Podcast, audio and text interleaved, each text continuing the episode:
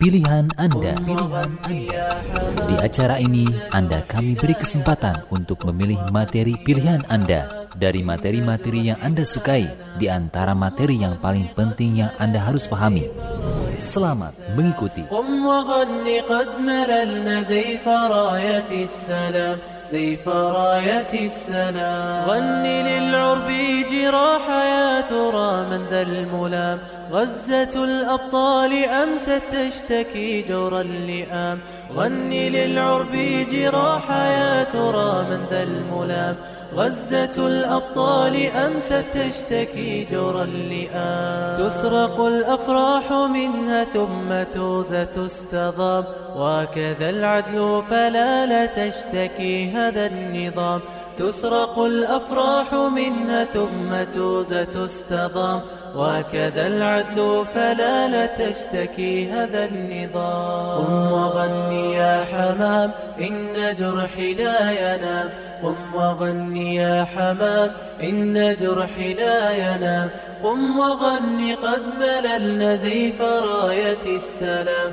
قم وغني قد مللنا زيف راية السلام. زيف راية السلام. يا لصمت الفعل فينا كم برزنا في الكلام. ما أجدنا في سواه آه هلمة الكرام. يا لصمت الفعل فينا كم برزنا في الكلام. ما أجدنا في سواه آه هلمة الكرام. صمتكم يا عرب خزي يسحق الشعب الهمام. كم كمين بات يخشى نصر شعب بالحسام. صمتكم يا عرب خزي يسحق الشعب الهمام. كم كمين بات يخشى نصر شعب بالحسام. إن هذا الصمت جرح قد تنام في العظام. كيف نسلو المنايا مورقات للأنام. إن هذا الصمت جرح قد تنام في العظام. كيف نسلو المنايا مورقات للأنام. قم وغني يا حمام إن جرحي لا ينام. قم وغني يا حمام إن جرحي لا ينام قم وغني قد مللنا زيف راية السلام. قم وغني قد مللنا زيف راية السلام. ذا جريح ذا شهيد في وصال الموتها حيث رب العرش يعطي خير أجر للكرام. حيث رب العرش يعطي خير أجر للكرام. قم وغني يا حمام إن جرحي لا ينام. قم وغني يا حمام إن جرحي لا ينام. قم وغني قد مللنا زيف راية السلام. قم وغني قد مللنا زيف راية السلام. زيف راية السلام غني للعرب جراح يا ترى من ذا الملام. غزة الأبطال أمست تشتكي جور اللئام غني للعرب جراح يا ترى من ذا الملام. غزة الأبطال أمست تشتكي جور اللئام تسرق الأفراح منها ثم توزة تستضام. وكذا العدل فلا لا تشتكي هذا النظام. تسرق الأفراح منها ثم توزة تستضام. وكذا العدل فلا لا تشتكي هذا النظام Bismillah, Assalamualaikum warahmatullahi wabarakatuh Alhamdulillahilladzi arsala rasulahu bil huda wa dinil haq liyudhhirahu ala dini kullih wa kafa billahi syahida Amma badu ya pendengar yang berbahagia dimanapun saat ini Anda berada Apa kabarnya Anda di kesempatan yang berbahagia kali ini Semoga kita semua selalu berada dalam keadaan sehat walafiat dan kurang suatu apapun Serta selalu diberikan kemudahan dan keistiqomahan dalam mendengarkan siaran-siaran Islam di Radio Pajri. Amin. ما أجدنا في سواه آه هلمة الكرام صمتكم يا عرب خزي يسحق Ya benar yang berbahagia dimanapun saat ini Anda berada Alhamdulillah pada kesempatan yang berbahagia kali ini saya Mas Udi bisa kembali menyapa ruang dengar Anda di frekuensi 99.3 Pajri FM Suara Kebangkitan Islam. Belajar Islam menjadi lebih mudah. Pendengar yang berbahagia di mana pun saat ini Anda berada. Insya Allah selama kurang lebih 120 menit ke depan Saya Mas Udi akan menemani Anda dalam acara Pilda Pilihan Anda. Edisi Ahad 28 Februari 2021 Masehi Atau bertepatan dengan tanggal 16 Rojab 1442 Hijriah.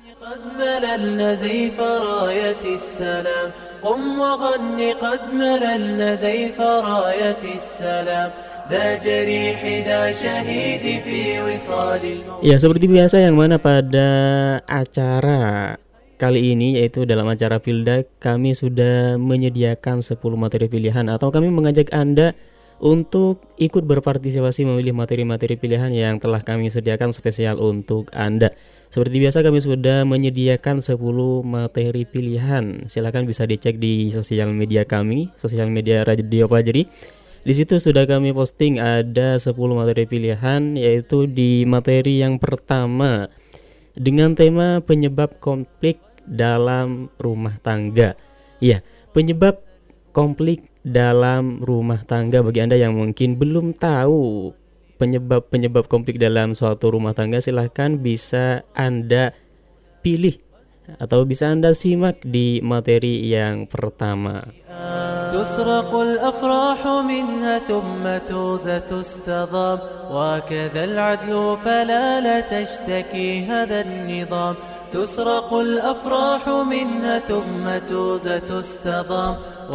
Ya di materi yang kedua dengan tema memperhatikan adab makan dan minum. Ya memperhatikan adab makan dan minum sesuai petunjuk Islam ya. Seperti apa sih cara atau adab menurut Islam ketika kita mau makan dan minum? Silahkan Untuk penjelasannya bisa Anda untuk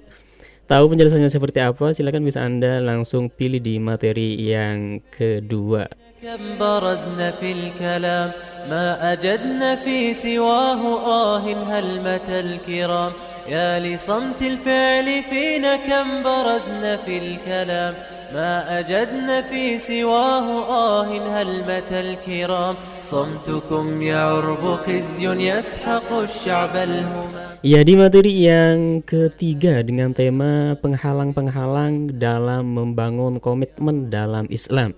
Ya, bagi Anda yang mungkin belum tahu nih seperti apa-apa saja kendala-kendala yang akan dihadapi ketika Anda ingin membangun suatu komitmen. Ya, silakan bisa Anda simak dan bisa Anda pilih di materi yang ketiga.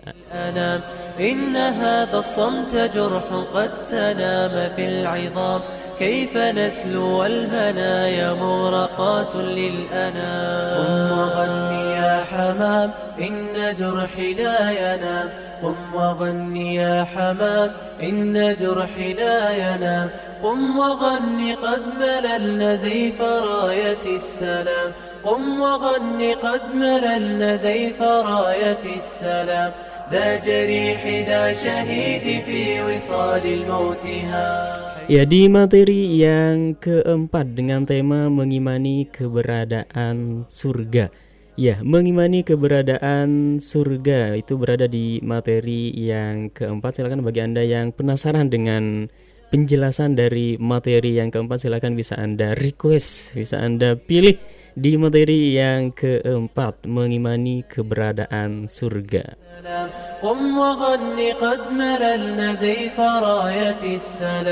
زيف راية السلام غني للعرب جراح يا ترى من ذا الملام غزة الأبطال أمست تشتكي جور اللئام غني للعرب جراح يا ترى من ذا الملام.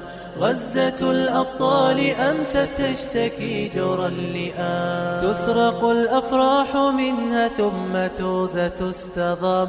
وكذا العدل فلا لا تشتكي هذا النظام. تسرق الأفراح منها ثم توزة تستضام. وكذا العدل فلا لا تشتكي هذا النظام قم وغني يا حمام إن جرحي لا ينام قم وغني يا حمام Ya di materi yang kelima dengan tema Bolehkah memakai kutek ketika haid dan apa hukum memotong alis Ya di materi yang kelima ini khusus temanya khusus untuk akhwat ya Bolehkah memakai kutek ketika haid dan apa hukum memotong alis? Silakan bagi Anda yang belum pernah mendengarkan dan tidak tahu atau sudah tahu tapi ingin meroja silakan bisa Anda pilih di materi yang kelima seperti apakah penjelasannya. صمتكم يعرب خزي يسحق الشعب الهمام كم كمين بات يخشى نصر شعب بالحسام di materi yang keenam dengan tema Allah ingatkan manusia. Ya Allah ingatkan manusia seperti apakah yang dimaksud dengan tema tersebut silakan untuk mengetahui penjelasannya silakan bisa Anda request bisa Anda simak penjelasannya di materi yang keenam. Inna hadha jurh qad tanama fil 'idham كيف نسلو والمنايا مغرقات للأنام Ya di materi berikutnya atau di materi yang ketujuh dengan tema Allah Al-Ghabid dan Al-Basit Ya Allah Al-Ghabid dan Al-Basit Ya seperti apa penjelasannya silahkan bisa Anda langsung request dan bisa Anda simak di materi yang ketujuh ذا جريح ذا شهيد في وصال الموتها حيث رب العرش يعطي خير أجر للكرام حيث رب العرش يعطي خير Di materi yang ke-8 dengan tema istri Nabi Muhammad sallallahu alaihi wasallam Ya, bagi Anda yang mungkin belum tahu siapa sih istri-istri Nabi Muhammad SAW atau sudah tahu tapi sebagian ya, atau sudah tahu tapi ingin memeroja silahkan bisa Anda langsung pilih materinya di materi yang ke-8.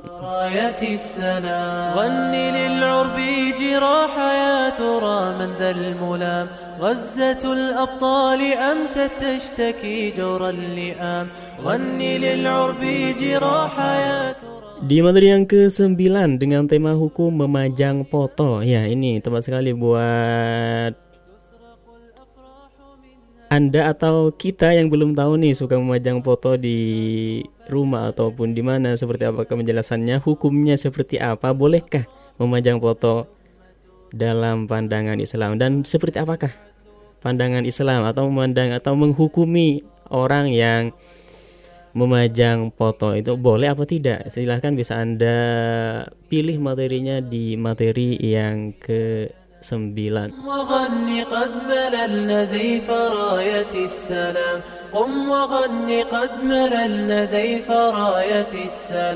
سيف راية السلام يا لصمت الفعل فينا كم برزنا في Di materi yang ke-10 atau yang terakhir dengan tema detik-detik menjelang hari kiamat. Ya, detik-detik menjelang hari kiamat.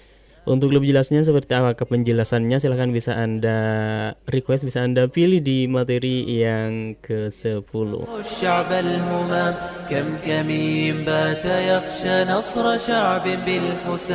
صمتكم يعرب خزي يسحق الشعب الهمام كم كمين بات يخشى نصر شعب بالحسام إن هذا الصمت جرح Baik kita langsung bacakan saja pesan-pesan yang sudah ikut bergabung berpartisipasi memilih materi pilihan pada acara Pilda siang kali ini Kita mulai dari WhatsApp Ada Raden Weli di Tangerang ikut memilih materi yang ke-9 karena ya di materi yang ke-9 dengan tema hukum memajang foto.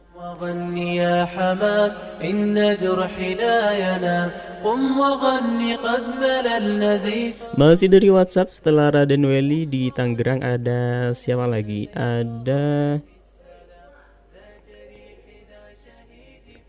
Fajar Ramdhani di Bogor mengimani keberadaan surga katanya. Materi pilihannya Assalamualaikum Afwan. Untuk materinya bisa ikut berapa materi katanya bebas silahkan bisa anda borong 10 ke semuanya silahkan bisa diborong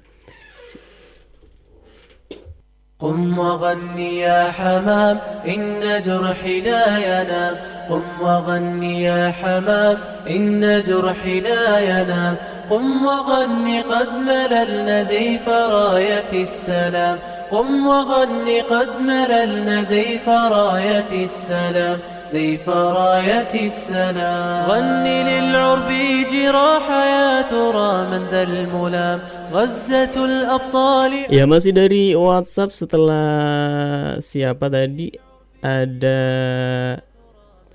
Pajar Nur Ramdhani masih dari WhatsApp ada Sofian di Carengga Serang katanya.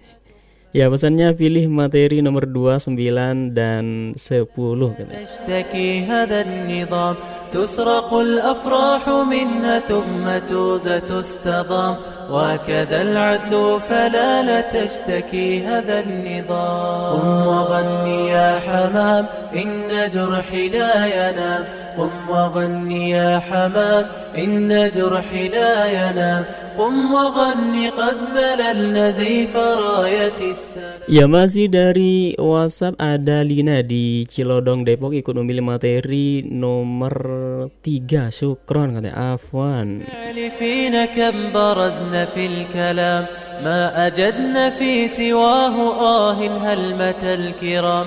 يا لصمت الفعل فينا كم برزنا في الكلام ما أجدنا في Ya masih dari WhatsApp ada Rahayu Afiyah di Cibinong Bogor ikut memilih materi yang keempat Masih dari WhatsApp ada siapa lagi setelah Rahayu Ada Rahmah Kosambi Tanggerang katanya ikut memilih materi yang ke-9 Sukron dan Afwan.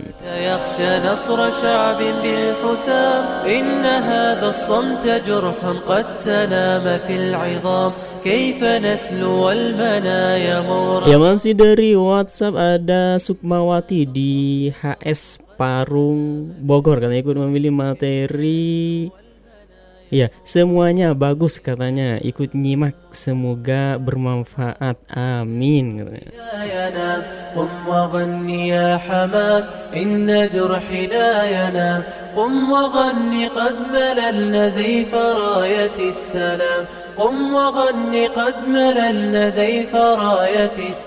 قم وغني قد مللنا زيف راية السلام Ya masih dari WhatsApp ada Hartono Igun Igun memilih materi nomor 6 dan 9 katanya 1, 2, 6 dan 9 Syukron katanya. Afwan حيث رب العرش يعطي خير أجر للكرام قم وغني يا حمام إن جرحي لا ينام قم وغني يا حمام إن جرحي لا ينام قم وغني Baik kita langsung cek saja materi manakah yang paling banyak Pertama kali dipilih oleh Anda قد مللنا زيف راية السلام زيف راية السلام غني للعرب جراح يا ترى من ذا الملام غزة الأبطال أمست تشتكي جور اللئام غني للعرب جراح يا ترى من ذا الملام غزة الأبطال Iya, ternyata berada di materi yang pertama dan ke-8. Di materi yang pertama dengan tema dengan tema maaf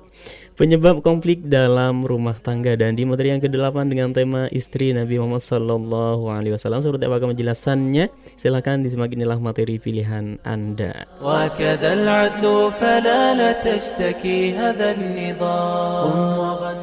pilihan Anda. Pendengar yang budiman sering kali dalam membina sebuah rumah tangga, seorang muslim akan menghadapi banyak tantangan. Dan jika kita cermati, biasanya konflik sebuah rumah tangga yang banyak terjadi itu disebabkan oleh hal-hal berikut ini. Yang pertama adalah niat yang salah dalam membangun sebuah rumah tangga. Pendengar yang budiman, niat yang baik adalah modal utama seseorang meraih kesuksesan dalam membina sebuah rumah tangga.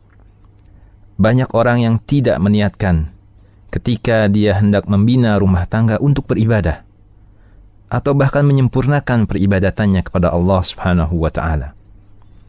Kebanyakan mereka kecuali yang dirahmati Allah Subhanahu wa taala hanya meniatkan pernikahan mereka sekedar untuk memenuhi kebutuhan biologis saja. Dan ada juga yang menikah karena ingin mendapatkan kecantikan atau harta dari pasangannya. Maka tak jarang jika semua itu hilang dari mereka. Bahkan biasanya akan hancur pula keharmonisan rumah tangga mereka. Pendengar yang budiman, memang tak salah ketika seseorang hendak menikah, dia harus mempertimbangkan pasangannya dari segi penampilan atau bahkan finansial. Akan tetapi perlu diingat bahwa semua itu bukan hal yang pokok. Di antara standar utama kebahagiaan berumah tangga adalah masalah kesolehan din pada pasangan kita. Dalam hal ini Rasulullah Shallallahu Alaihi Wasallam bersabda dalam hadis yang diriwayatkan oleh Imam Bukhari dan Muslim bahwa wanita dinikahi karena empat hal, karena hartanya, karena nasabnya, karena kecantikannya, dan juga karena agamanya. Maka pilihlah karena agamanya, niscaya engkau tidak akan pernah merugi. Nah pendengar yang budiman, salah satu pandangan yang keliru dalam masyarakat kita, terutama kaum muda, adalah bahwa pernikahan harus diawali dengan pacaran. Bahkan mereka menganggap pacaran tersebut seolah sebagai syarat wajib sebelum pernikahan dengan dalih mengenal lebih dekat pasangan mereka. Tentu saja pandangan seperti ini jelas-jelas keliru dan salah kaprah. Karena pacaran menutup pintu objektivitas. Para pelaku pacaran selalu tidak jujur disebabkan hanya ingin memperlihatkan hal-hal yang baik pada pacarnya. Dan inilah yang menjadikan mereka akhirnya kecewa saat berumah tangga. Kemudian yang kedua, tidak faham hak dan kewajiban suami istri pendengar yang dimuliakan Allah taala. Salah satu penyebab terjadinya konflik dalam rumah tangga adalah tidak fahamnya pasangan suami istri akan hak dan kewajiban mereka dalam rumah tangga. Banyak sekali kewajiban berumah tangga yang harus dikerjakan oleh seorang istri, seperti melayani suami, menyusui anak, dan mendidiknya, bahkan lain-lainnya.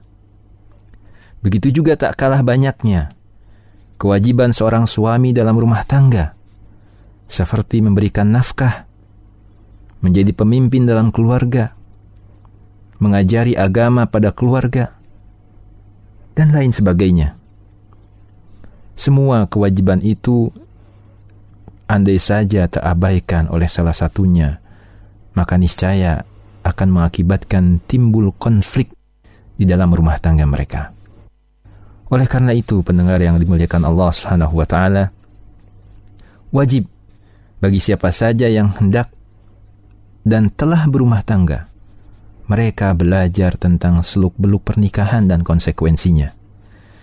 Sehingga ketika terjadi nanti konflik dalam rumah tangga mereka, mereka bisa meredamnya dengan mudah dan tentunya dengan cara yang bijaksana. Lalu yang ketiga, pendengar yang dimuliakan Allah Subhanahu wa taala, yaitu su'uzon atau buruk sangka terhadap pasangan. Membangun rumah tangga haruslah didasari dengan berprasangka baik, berhusnuzon kepada pasangan. Sikap buruk sangka kepada pasangan adalah sumber kehancuran rumah tangga. Pasangan suami istri seharusnya mengedepankan sikap berprasangka baik ketika didapati hal-hal yang kiranya janggal dalam rumah tangga. Artinya tidak langsung menuduh pasangan salah tanpa bukti yang valid atau bahkan benar. Tapi sebaliknya, seharusnya dia tabayun, meneliti terlebih dahulu akan kebenarannya. Sebab boleh jadi kabar yang menjadi konflik rumah tangga hanyalah fitnah dari orang yang dengki atau hendak menghancurkan rumah tangga kita. Lalu yang keempat, masalah finansial keluarga. Pendengar yang budiman, salah satu titik panas yang sering kali menyebabkan konflik dalam rumah tangga adalah kondisi finansial keluarga. Dan bentuknya sangatlah beragam. Seperti gaji suami yang pas-pasan, atau tak cukup untuk memenuhi kebutuhan sehari-hari. Bisa juga seorang istri yang memiliki gaji yang lebih besar daripada gaji suaminya, sehingga memicu istri berbuat nusyuj atau merasa tinggi di hadapan suami. Atau bahkan terbelit hutang dan kepayahan dalam mengendalikan hutangnya, sehingga keluarganya berantakan atau mungkin tuntutan-tuntutan ekonomi lainnya. Pendengar yang dimuliakan Allah Subhanahu wa taala. Pasangan suami istri yang tipis imannya jika menghadapi kondisi seperti ini, pastilah akan saling menyalahkan satu dengan yang lainnya. Kedua belah pihak akan saling menuduh dan membuat alasan pembenaran setiap tindakan yang mereka lakukan. Oleh karena itu, masing-masing pasutri harus bersikap dingin, lantas mencari solusi yang bijak, seraya berdoa dan tak lupa untuk berusaha. Hendaknya kedua belah pihak harus mau mengcancel kebutuhan-kebutuhan tambahan di luar kebutuhan yang telah disepakati keduanya. Kemudian mulai menata diri untuk bergaya hidup sederhana. Jika memang masalah finansial menjadi pemicu konflik mereka dalam rumah tangganya. Pilihan Anda.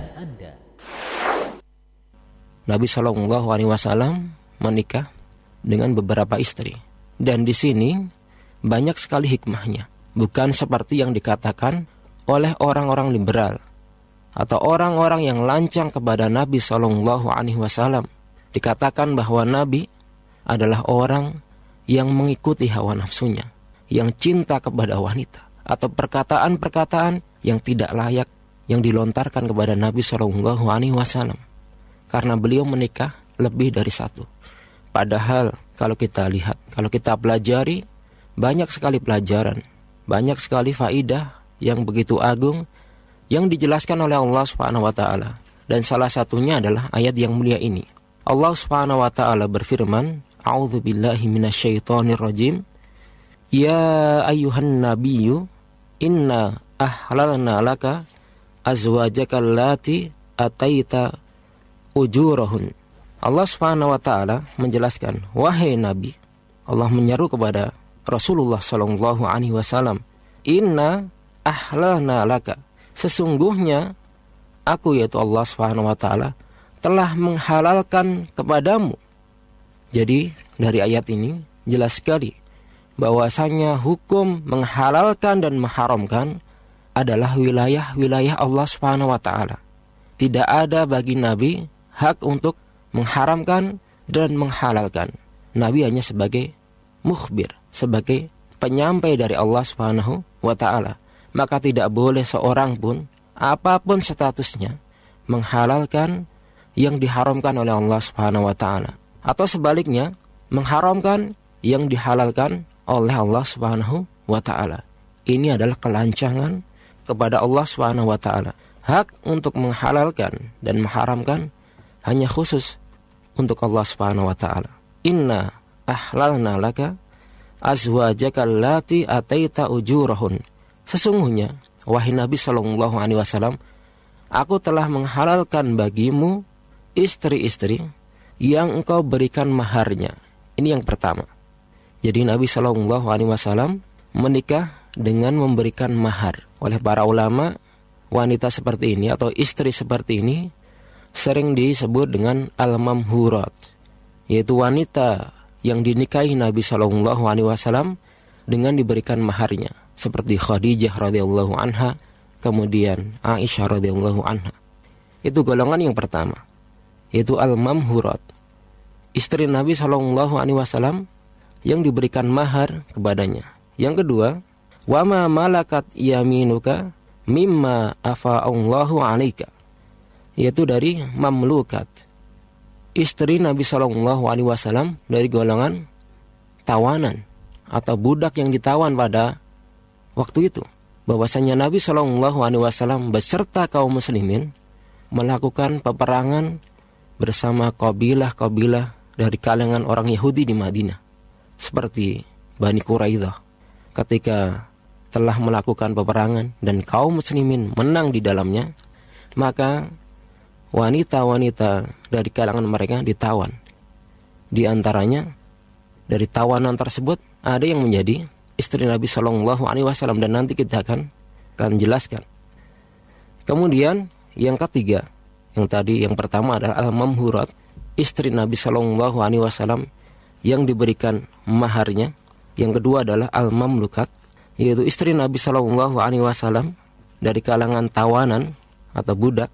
Kemudian mimma afa'allahu alika yang merupakan fai atau harta rampasan perang tanpa melakukan peperangan terlebih dahulu. Kalau kaum muslimin melakukan perang dengan orang-orang kufar, orang-orang musyrik atau yang lain, maka harta tersebut adalah ghanimah. Akan tetapi ketika sebelum terjadi peperangan, sedangkan musuh sudah lari terlebih dahulu, maka hartanya adalah al-fai. Disebut dengan fai, harta rampasan perang tanpa melakukan perang terlebih dahulu. Wa banati ammika wa banati ammatika wa banati khalika wa banati khalatika allati hajarna ma'ak. Yang ketiga, dari kalangan al-muhajirat, yaitu dari kalangan banat ammika, anak-anak perempuan dari paman-pamanmu, wa banati ammatika. Begitu juga anak-anak perempuan dari bibi-bibi kamu. Itu Nabi Muhammad Shallallahu Alaihi Wasallam. Wa banati khalika wa banati khalatika. Baik anak perempuan tersebut dari jalur bapak atau dari jalur ibu. Kemudian yang selanjutnya para pendengar yang beriman wa mra'atan yang ketiga. Dan wanita mukminah imra'atan mukminah in wahabat nafsaha lin nabi jadi dibolehkan bagi Nabi Shallallahu Alaihi Wasallam menikah dengan wanita muslimah, syaratnya adalah muslimah yang menghibahkan, yang memberikan dirinya kepada Nabi Shallallahu Alaihi Wasallam. Jadi ada di kalangan kaum mukminah karena kecintaannya kepada Allah Subhanahu Wa Taala, kemudian ingin dekat dengan Nabi Shallallahu Alaihi Wasallam, menghibahkan dirinya kepada Nabi. Jadi pernikahannya dengan menghibahkan.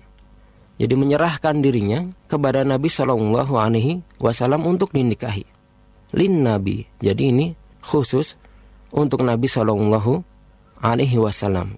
In aradan nabiyyu ayastangkihaha khalisatal lak. Ketika Nabi Shallallahu alaihi wasallam ingin menikahi wanita tersebut, kalau tidak ingin juga tidak masalah. Tapi ketika ada wanita muslimah yang menghibahkan, menyerahkan dirinya untuk dinikahi oleh Nabi Shallallahu Alaihi Wasallam dan Nabi Shallallahu Alaihi Wasallam hendak menikah tersebut maka dibolehkan oleh Allah Subhanahu wa taala. Khalisatan lak. Artinya adalah khusus bagi Nabi Shallallahu alaihi wasallam. Maka tidak boleh seorang wanita muslimah mengibahkan kepada selain Nabi apalagi di zaman sekarang tidak boleh ini adalah khusus bagi Nabi Shallallahu alaihi wasallam jadi khalisatan laka artinya khas laka wahai Nabi Shallallahu alaihi wasallam sebagaimana dijelaskan oleh para mufasir bahwasanya yang dibolehkan menghibahkan dari kalangan mukminah adalah kepada Nabi Shallallahu Alaihi Wasallam. Jadi khusus ini adalah kekhususan bagi Nabi Shallallahu Alaihi Wasallam. Artinya tidak boleh bagi umat setelahnya. Bagaimana contohnya? Contohnya adalah ketika ada seorang wanita muslimah, dia ingin dekat dengan seseorang, kemudian menghibahkan dirinya, menghibahkan dirinya untuk dinikahi. Dengan dalil ayat ini, maka jelas sekali bahwasanya ayat ini adalah khusus bagi Nabi Shallallahu Alaihi Wasallam khalisatan laka min dunil mu'minin bukan untuk orang-orang mukminin. Pilihan Anda. قم وغني يا حمام إن جرحي لا ينام قم وغني يا حمام إن جرحي لا ينام قم وغني قد مللنا زيف راية السلام. قم وغني قد مللنا زيف راية السلام. زيف راية السلام غني للعرب جراح يا ترى من ذا الملام. غزة الأبطال أمست تشتكي جور اللئام. غني للعرب جراح يا ترى من ذا الملام غزة الأبطال أمست تشتكي جرى اللئام. تسرق الأفراح منها ثم توزة تستضام. وكذا العدل فلا لا تشتكي هذا النظام. تسرق الأفراح منها ثم توزة تستضام. وكذا العدل فلا لا تشتكي هذا النظام. Ya itulah materi pilihan Anda berada di materi yang pertama dan ke-8 Di materi yang pertama dengan tema Penyebab konflik dalam rumah tangga dan di materi yang ke-8 dengan tema Istri Nabi Muhammad Sallallahu Alaihi Wasallam. Ya kami ucapkan syukuran jazakumullah khairan kasiran kepada Anda yang telah ikut berpartisipasi memilih materi pilihan pada acara Pilda siang kali ini terkhusus yang memilih di materi yang ke yang pertama dan ke-8. Semoga bermanfaat dan juga menambah pahala serta ditunggu untuk berpartisipasi kembali di acara-acara yang lainnya. أجدنا في سواه آه هلمة الكرام صمتكم يعرب خزي يسحق الشعب الهمام كم كمين بات يخشى نصر شعب بالحسام صمتكم يعرب خزي يسحق الشعب الهمام كم كمين بات يخشى نصر شعب بالحسام إن هذا الصمت جرح قد تنام في العين Baik, kita lanjut kembali membacakan pesan-pesan yang sudah ikut bergabung dan memilih materi pilihan pada acara Pilda siang kali ini. Kita masih di WhatsApp ada Siapa ini? Ada Ibu Rahma di Sukma Jaya Depok katanya pilih semua materi. Syukron, afwan.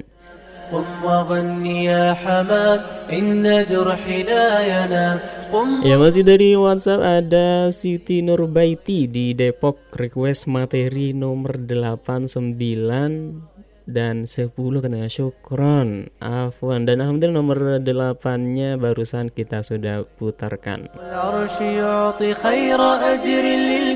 Ya masih dari WhatsApp ada Akhi Gandhi di PHR Prima Harapan regency. Ya di Bekasi Utara katanya pilih materi nomor 1, 8 dan 10 afwan titip pesan untuk Haji Afid katanya di Pamujati di BTP beserta keluarga sehat selalu. Jazakumullah khair ron kasiron katanya. Ya dari Ahi Gandhi di PHR dan alhamdulillah materi nomor satu dan yang nomor delapannya sudah kita putarkan. Ya masih dari WhatsApp ada Tian Widi di ya Tian Widi Purnaningrum di Tangerang. Tiga raksa ikut memilih materi yang ke-9 dengan tema hukum memajang foto. العدل فلا لا تشتكي هذا النظام تسرق الأفراح منها ثم توزة تستضام وكذا العدل فلا لا تشتكي Masih dari WhatsApp ada siapa dari WhatsApp? Ada Hilman di Pagedangan Tangerang ikut memilih materi nomor 9 dengan tema hukum memajang foto sama. Ya masih dari WhatsApp setelah Hilman ada siapa lagi? Ada Bunda Evi di Ciomas. Assalamualaikum katanya saya memilih materi nomor 4, 6, 7 dan 8 katanya. Alhamdulillah nomor 8 nya sudah kita putarkan. Baik kita cek kembali materi manakah yang paling banyak dipilih oleh Anda setelah materi-materi yang telah kita putarkan.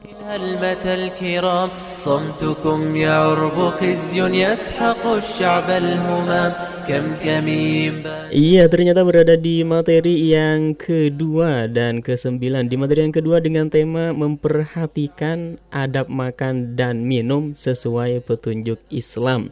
Dan di materi yang ke-9 dengan tema hukum memajang foto. Seperti apakah penjelasannya? Silahkan disimak inilah materi pilihan Anda.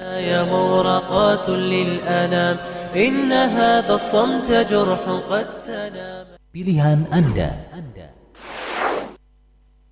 Sebagian orang ada yang memajang foto dirinya sendiri kemudian foto keluarga atau tokoh agama dengan tujuan sekedar dipajang atau dikenang, dikenang orangnya, dikenang kebaikannya dan lain sebagainya. ya. Padahal para pendengar yang berbahagia dalam berbagai hadis yang sahih ya kita dilarang untuk memajang gambar makhluk yang bernyawa. Ya. Nabi Shallallahu Alaihi Wasallam bersabda, Innal malaikata la tadkhulu baitan fihi suratun.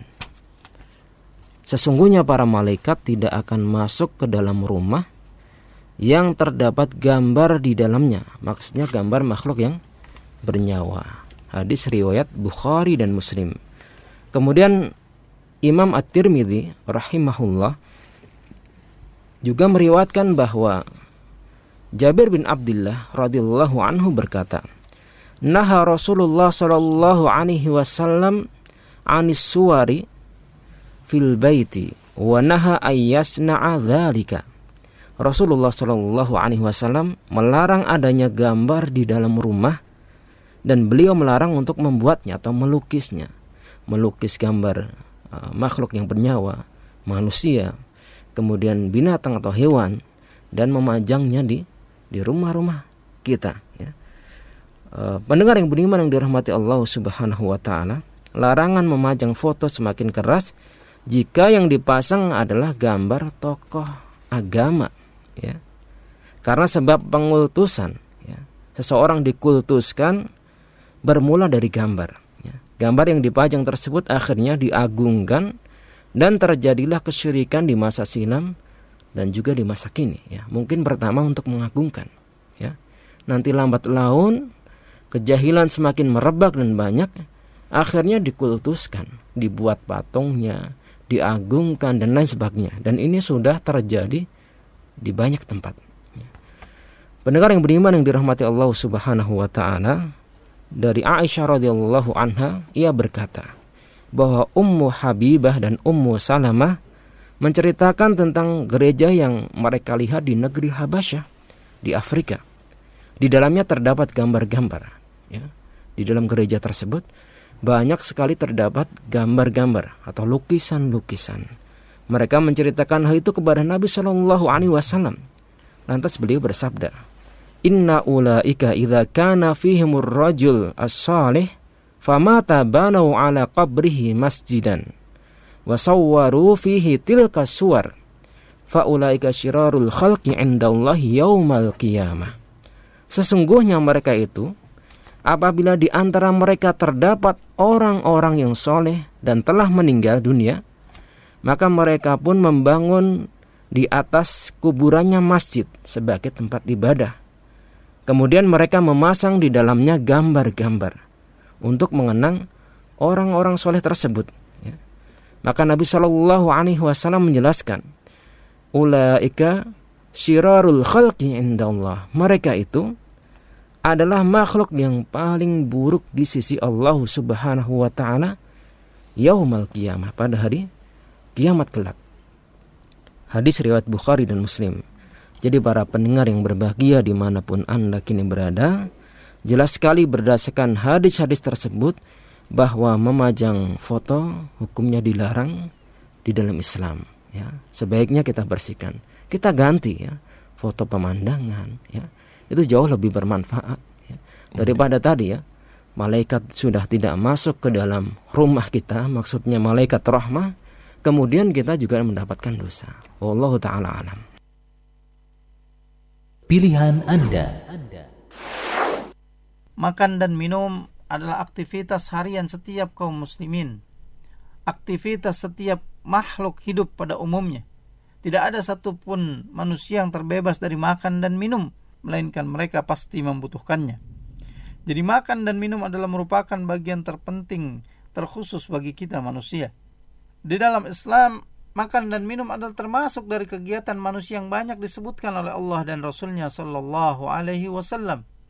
Islam telah menerangkan berbagai hal tentang kegiatan tersebut dari cara mencarinya, jenis makanannya atau minuman yang halal dan yang diharamkan untuk dimakan atau diminum, memilih makanan atau minuman yang baik untuk kesehatan, cara makan dan minum yang disyariatkan dan lain sebagainya. Para ulama pun telah banyak memuat tentang masalah ini dan masukkan dalam pembahasan dalam kitab adab, yakni adab makan dan adab minum. Dan termasuk dari perkara yang sangat penting adalah makan dan minum dari sesuatu yang dihalalkan oleh Allah Subhanahu wa taala dan Rasulnya sallallahu alaihi wasallam. Sebagaimana disebutkan dalam Al-Qur'an surat Al-Baqarah ayat 168 Allah Subhanahu wa taala berfirman, "Ya ayyuhan nas, kulu mimma fil ardi halalan tayyiba wa la tattabi'u khutuwatis syaitan, innahu lakum aduwwum mubin." Wahai manusia, makanlah makanan yang halal lagi baik dari apa-apa yang terdapat di muka bumi ini dan janganlah kalian mengikuti langkah-langkah syaitan karena sungguhnya syaitan itu adalah musuh yang nyata bagi kalian. Pendengar yang dirahmati Allah Subhanahu wa taala. Meskipun Islam telah mengajarkan umatnya untuk selalu memakan makanan dan minum minuman yang halal, lagi baik yang diperoleh dengan cara yang halal pula. Di samping itu, Islam pun telah mengajarkan umatnya akan adab-adab makan dan minum dengan benar. Namun sayangnya, masih banyak dari kaum muslimin yang memakan dan minum yang diharamkan oleh Allah dan Rasulnya Sallallahu Alaihi Wasallam dan juga banyak di antara mereka yang tidak mengetahui adab tata cara makan dan minum yang sesuai dengan tuntunan syariat Islam yakni syariat Rasulullah Sallallahu Alaihi Wasallam. Maka berkaitan dengan hal tersebut Islam juga mengajurkan kepada umatnya untuk senantiasa makan secara berjamaah. Dan makan secara berjamaah ini bukanlah ajaran sebagian kelompok dalam Islam, namun makan seperti ini adalah makan yang disunnahkan dalam agama kita yang mulia ini. Makan seperti ini dinilai lebih berkah, bahkan dikatakan dalam sebuah riwayat bahwa sebenarnya satu porsi makanan itu bisa cukup untuk dua orang dan empat porsi untuk delapan orang. Sebagaimana salah satu riwayat dari Abu Hurairah bahwa Nabi Shallallahu Alaihi Wasallam bersabda, Ta'amul isnaini kafis salatha wa ta'amus salasa kafil arba'ah. Makanan untuk dua orang cukup untuk tiga orang. Makanan bertiga cukup untuk berempat. Hadis riwayat Imam Bukhari dan Imam Muslim. Di riwayat lain disebutkan ta'amul wahid yakfi ithnaini wa ta'amul isnaini yakfil arba'ah wa ta'amul arba'ah yakfi thamaniyah. Makanan satu orang cukup untuk dua orang Demikian juga makanan dua orang sebenarnya cukup untuk empat orang dan makanan empat orang cukup untuk delapan orang. Hadis riwayat Imam Muslim. Imam Ibnu Hajar rahimahullah dalam kitabnya Fathul Bari mengatakan kecukupan itu datang karena keberkahan dari makanan yang dimakan secara berjamaah. Cara berjamaah ini membuat yang menikmati makanan itu banyak sehingga bertambah pula keberkahannya. Pendengar yang dirahmati Allah Subhanahu wa taala. Dalil lain yang menunjukkan makan berjamaah akan mendatangkan keberkahan adalah satu riwayat dari Wahsy bin Harab radhiyallahu an dari ayahnya, dari kakeknya bahwa sahabat Nabi Shallallahu Alaihi Wasallam berkata, Ya Rasulullah, inna nakulu wa la nashba. Qala fala'allakum taftariqun. Qalu na'am. Qala fajtami'u ala ta'amikum. Wadhukuru smallahi alaihi yubarak lakum fih. Qala Abu Dawud, Iza kunta fi walimatin fawudi al-asya. Fala ta'kul hatta ya'dana laka sahibud dar. Wahai Rasulullah, sesungguhnya kami makan dan tidak merasa kenyang. Beliau bersabda, kemungkinan kalian makan sendiri-sendiri. Maka mereka semua menjawab, iya. Beliau sallallahu alaihi wasallam kemudian bersabda, hendaklah kalian makan secara bersama-sama dan makanlah dengan menyebut basmalah maka kalian akan diberi keberkahan padanya hadis riwayat Abu Daud dan berkenaan dengan ini Imam Ibnu Batal rahimahullah berkata Makan secara bersama-sama adalah salah satu sebab datangnya barakah ketika seorang makan. Adapun dalil yang menunjukkan bahwa Rasulullah sallallahu alaihi wasallam makan secara bersama disebutkan oleh Aisyah radhiyallahu anha. Ia berkata, "Kana Nabi sallallahu alaihi wasallam ya'kulu ta'aman fi sittati min ashabi faja'a a'rabiyyun fa'akalahu bi luqmataini." Nabi Shallallahu Alaihi Wasallam pernah makan bersama enam orang sahabatnya. Lantas seorang Arab Baduy datang lalu makan makanan beliau dengan dua suapan. Hadis riwayat Imam Tirmidzi, Abu Daud dan Ibnu Majah. Juga kita dapat lihat praktek sahabat mengenai makan secara berjamaah ini dari Nafi radhiyallahu an. Ia berkata, bahwa dahulu Ibnu Umar tidak makan kecuali setelah didatangkan orang miskin dan beliau makan bersamanya. Pendengar yang dirahmati Allah Subhanahu wa taala. Hadis ini juga menjadi anjuran makan berjamaah bersama-sama dengan muslim lainnya apabila bersama orang miskin. apabila kita tahu bahwa Ibnu Umar sangat bersemangat sekali melaksanakan ajaran Rasulullah sallallahu alaihi wasallam. Allahu a'lam. Pilihan Anda. قم وغني يا حمام إن جرحي لا ينام قم وغني يا حمام إن جرحي لا ينام قم وغني قد مللنا زيف راية السلام. قم وغني قد مللنا زيف راية السلام. زيف راية السلام غني للعرب جراح يا ترى من ذا الملام. غزة الأبطال أمست تشتكي جور اللئام. غني للعرب جراح يا ترى من ذا الملام.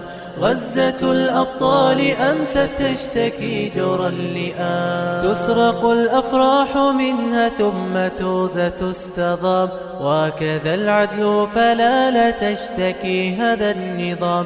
تسرق الأفراح منها ثم توزة تستضام.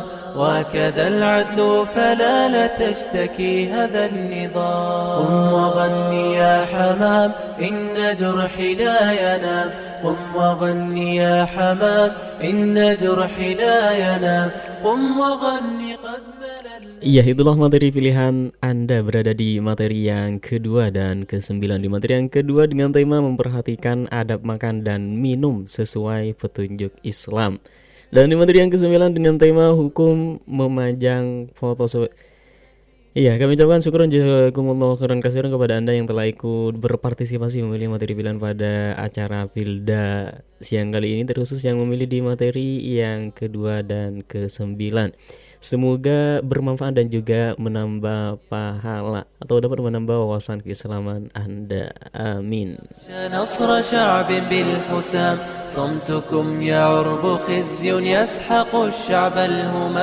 كم كمين بات يخشى نصر شعب بالحسام إن هذا الصمت جرح قد تنام في العظام كيف نسلو المنايا مورقات للأنام إن هذا الصمت جرح قد تنام في العظام.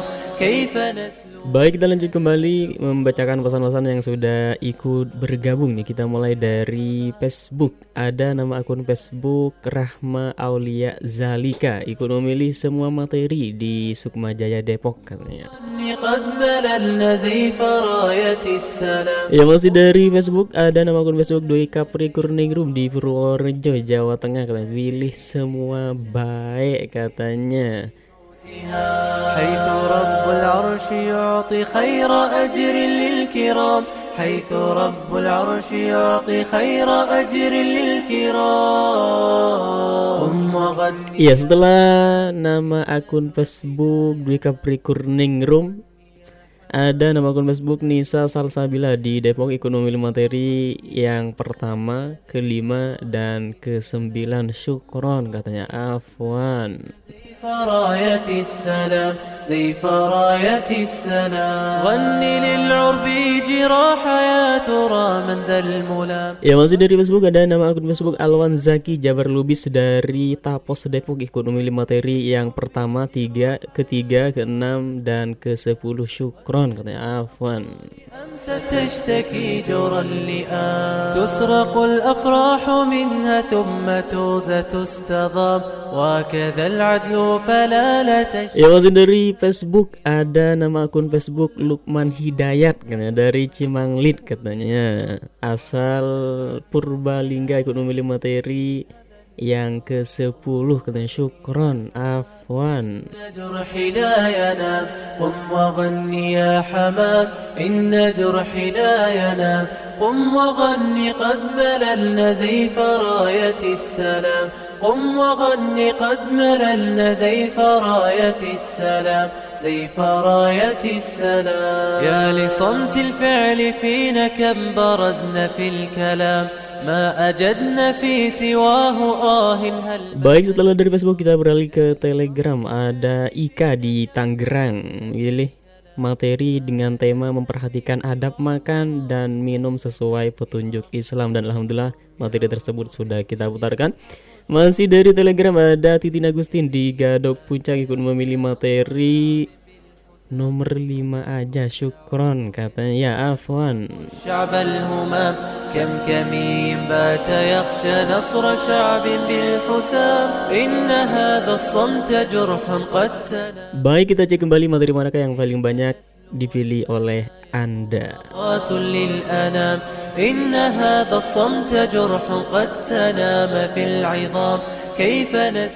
Iya, ternyata berada di materi yang ketiga, keempat, dan kelima. Di materi yang ketiga dengan tema penghalang-penghalang. Iya, -penghalang, Penghalang-penghalang dalam membangun komitmen dalam Islam. Di materi yang keempat dengan tema mengimani keberadaan surga. Dan di materi yang kelima dengan tema bolehkah memakai kutek ketika haid? Dan apa hukum memotong alis? Seperti apa penjelasannya? Silahkan disimak inilah materi pilihan Anda. Pilihan Anda dalam masalah syubhat berkembang fatwa-fatwa syara, fatwa-fatwa agama dan cara-cara pendalilan yang sangat-sangat tidak berasas pada nilai-nilai syar'i yang di mana salafus saleh sangat berhati-hati tidak sama sekali mereka berfatwa tanpa landasan yang benar.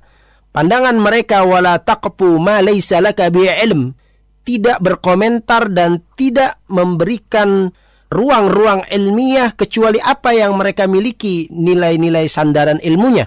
Ketika mereka tidak miliki maka mereka tidak berkomentar dan tidak memberikan fatwa. Tetapi anehnya di zaman ini yang ada banyaklah adalah pengamat dan para komentator, bukan para ulama rabbani yang membimbing dan membina umat dengan benar seperti yang dikatakan oleh Imam Bukhari bahwa mereka adalah alladzina yarubbun nas min sigharil ilm ila kibarihi yaitu orang-orang yang mendidik membina umat dari ilmu-ilmu yang paling dasar hingga ilmu-ilmu yang paling dalam ini menandakan kerobbanian mereka tetapi fakta menunjukkan di tengah-tengah masyarakat kita para komentator dan para pengamat telah banyak menjadikan penghalang besar kita untuk komitmen di dalam Islam. Ketika fatwa tentang hijab berlaku sejak dahulu hingga sekarang, maka para komentator dan para pelawak-pelawak pengamat menganggap itu sebagai budaya Arab atau budaya-budaya Timur Tengah, tidak terkait dengan masalah Islam. Ketika masalah jenggot dan masalah tidak isbal dianggap sebagai bagian-bagian dari kekerasan dalam beragama yang mereka sebut sebagai Islam syariah atau Islam fundamentalis. Lambang-lambang keislaman yang sudah mulai merebak di tengah-tengah kaum muda yang baik dari segi pakaian, dari segi aksesoris badan sampai kepada cara berpikir Islami yang kafah yang ingin lengkap dan melengkapi maka itu dianggap pula sebagai bagian dari intoleransi dari kehidupan beragama oleh para pengamat dan para komentator di dunia kita. Inilah yang juga menghalangi. Misalnya saja bahasa-bahasa fatwa pun telah menjadi bahasa-bahasa yang sangat sederhana diungkapkan. Misalnya ini maslahat demi maslahat kami berbuat ini misalnya. Lalu ini sudah darurat, sudah tidak bisa lagi kita langkahi kecuali ini. Ini kata-kata yang sangat mudah diucapkan oleh para pengamat dan komentator-komentator picik yang disebut oleh Rasulullah Shallallahu Alaihi Wasallam sebagai arwaibidah, yaitu kelompok atau pengamat yang berbicara yatakallamuna fi umurin nas tentang perkara-perkara manusia yang besar tetapi sebenarnya dia adalah rajul tafah tokoh yang bodoh yang tidak mengerti tentang hukum Islam dengan benar tetapi hanya komentator dan pengamat. Ini yang pertama dalam bidang syubah ada lagi penghalang kita yang cukup besar juga adalah uh, penghalang dalam bidang syahwat yaitu merebaknya uh, dunia dalam menghancurkan sendi-sendi irodah manusia, kehendak manusia yang jujur, yang ikhlas, yang ingin membangun komitmen tetapi terhalang karena begitu besarnya rayuan kehidupan dunia. Misalnya saja ruang-ruang terbukanya konsumerisme dalam kehidupan kita, semuanya serba perut dan serba harta.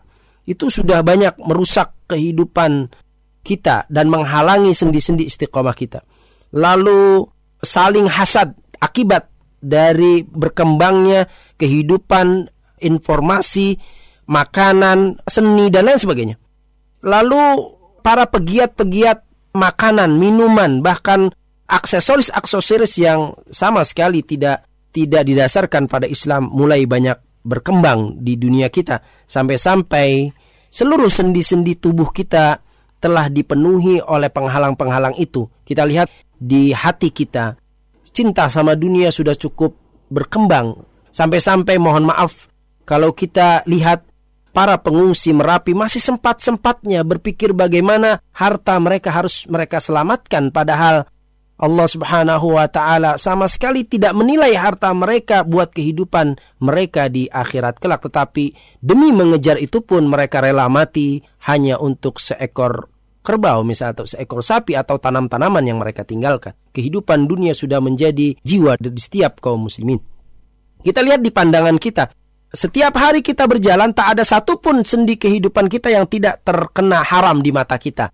Aurat-aurat yang terbuka begitu bebas gitu. Bahkan sampai-sampai berkalimat jilbab pun telah menipu syahwat kita seakan-akan itu adalah jilbab berkembangnya keislaman. Padahal itu hanyalah tipu daya untuk kamu kamuflase pandangan-pandangan kita. Kita lihat lagi dari lisan kita. Yang lisan kita terus berkembang sampai-sampai kalimat-kalimat yang keluar dari lisan-lisan kita sudah tidak lagi banyak terkontrol dalam keislaman. Ghibah namimah adu domba membicarakan pihak lain yang tidak disukainya mengejek ayat-ayat Allah Subhanahu wa taala bercanda tanpa batas gitu ya memuji orang-orang fasik ya menuduh orang-orang yang jujur dan dalam beragama bercerita-cerita dengan fiktif tanpa benar, lalu dongeng-dongeng tanpa memandang kesyirikan atau tidak kesyirikan. Begitulah perkembangan yang terjadi.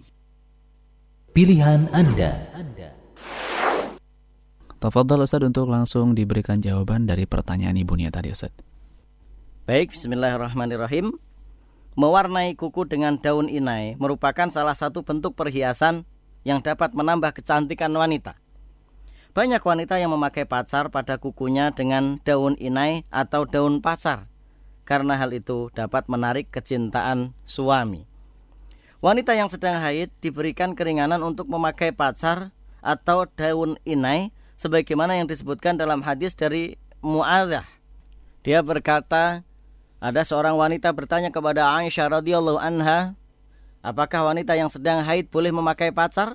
Aisyah menjawab, pada saat sedang di sisi Nabi Shallallahu Alaihi Wasallam kami memakai pacar pada kuku dan beliau tidak melarang kami melakukan hal itu. Hadis riwayat Ibnu Majah. Dari Nafi Maula bin Umar dia menceritakan bahwa istri-istri Ibnu Umar semuanya memakai pacar pada kuku mereka pada saat sedang haid.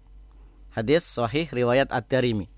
Namun apabila pemakaian pacar itu terlalu tebal sehingga air wudhu tidak dapat menyentuh kulit pada saat sedang dalam keadaan suci, ketika itu seorang wanita harus menghapus dan menghilangkannya.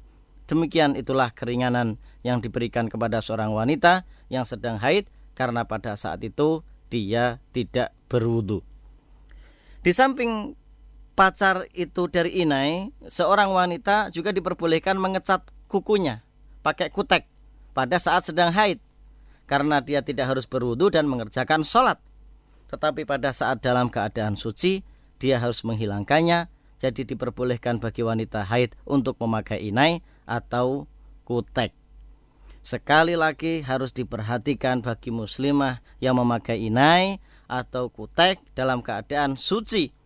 Karena dalam kitab Al-Majmu' Syarah Al-Muhadzab, Imam An-Nawawi mengatakan apabila warna itu terbuat dari zat yang sifatnya melapisi dan menghalangi sebagian anggota wudhu tertutup cat atau lem atau kutek atau semacamnya sehingga bisa menghalangi air sampai ke permukaan kulit anggota wudhu maka wudhunya batal baik sedikit maupun banyak. Selanjutnya tentang mengerok alis atau mencukurnya. Jelas perbuatan ini haram tidak boleh dikerjakan oleh wanita muslimah. Salah satu di antara misi besar iblis untuk menyesatkan manusia adalah memerintahkan mereka untuk mengubah ciptaan Allah. Allah Subhanahu wa taala berfirman di dalam Al-Qur'an surat An-Nisa ayat 119 wala amurannahum fala khalqallah. Sungguh aku akan memerintahkan mereka untuk mengubah ciptaan Allah namun sebagian besar yang terjebak dalam larangan ini adalah para wanita Allah jadikan bagian dari keindahan wanita tidak ada bulu di wajah selain alis dan bulu mata dengan indahnya bulu mata dan alis inilah membuat banyak wanita menginginkan membentuk alis atau bulu mata sesuai dengan apa yang diharapkan. Perlu diingat bahwa Nabi Shallallahu Alaihi Wasallam melaknat wanita yang mencukur bulu alisnya. Dari Abdullah bin Mas'ud radhiyallahu anhu beliau mengatakan, La'anallahu al-washimati wal mutashimati wal mutanammisati wal mutafallijati lil husni al mughayyirati khalqallah. Allah melaknat tukang tato, orang yang ditato, al mutanamisoh dan orang yang merenggangkan gigi untuk kecantikan yang mengubah ciptaan Allah.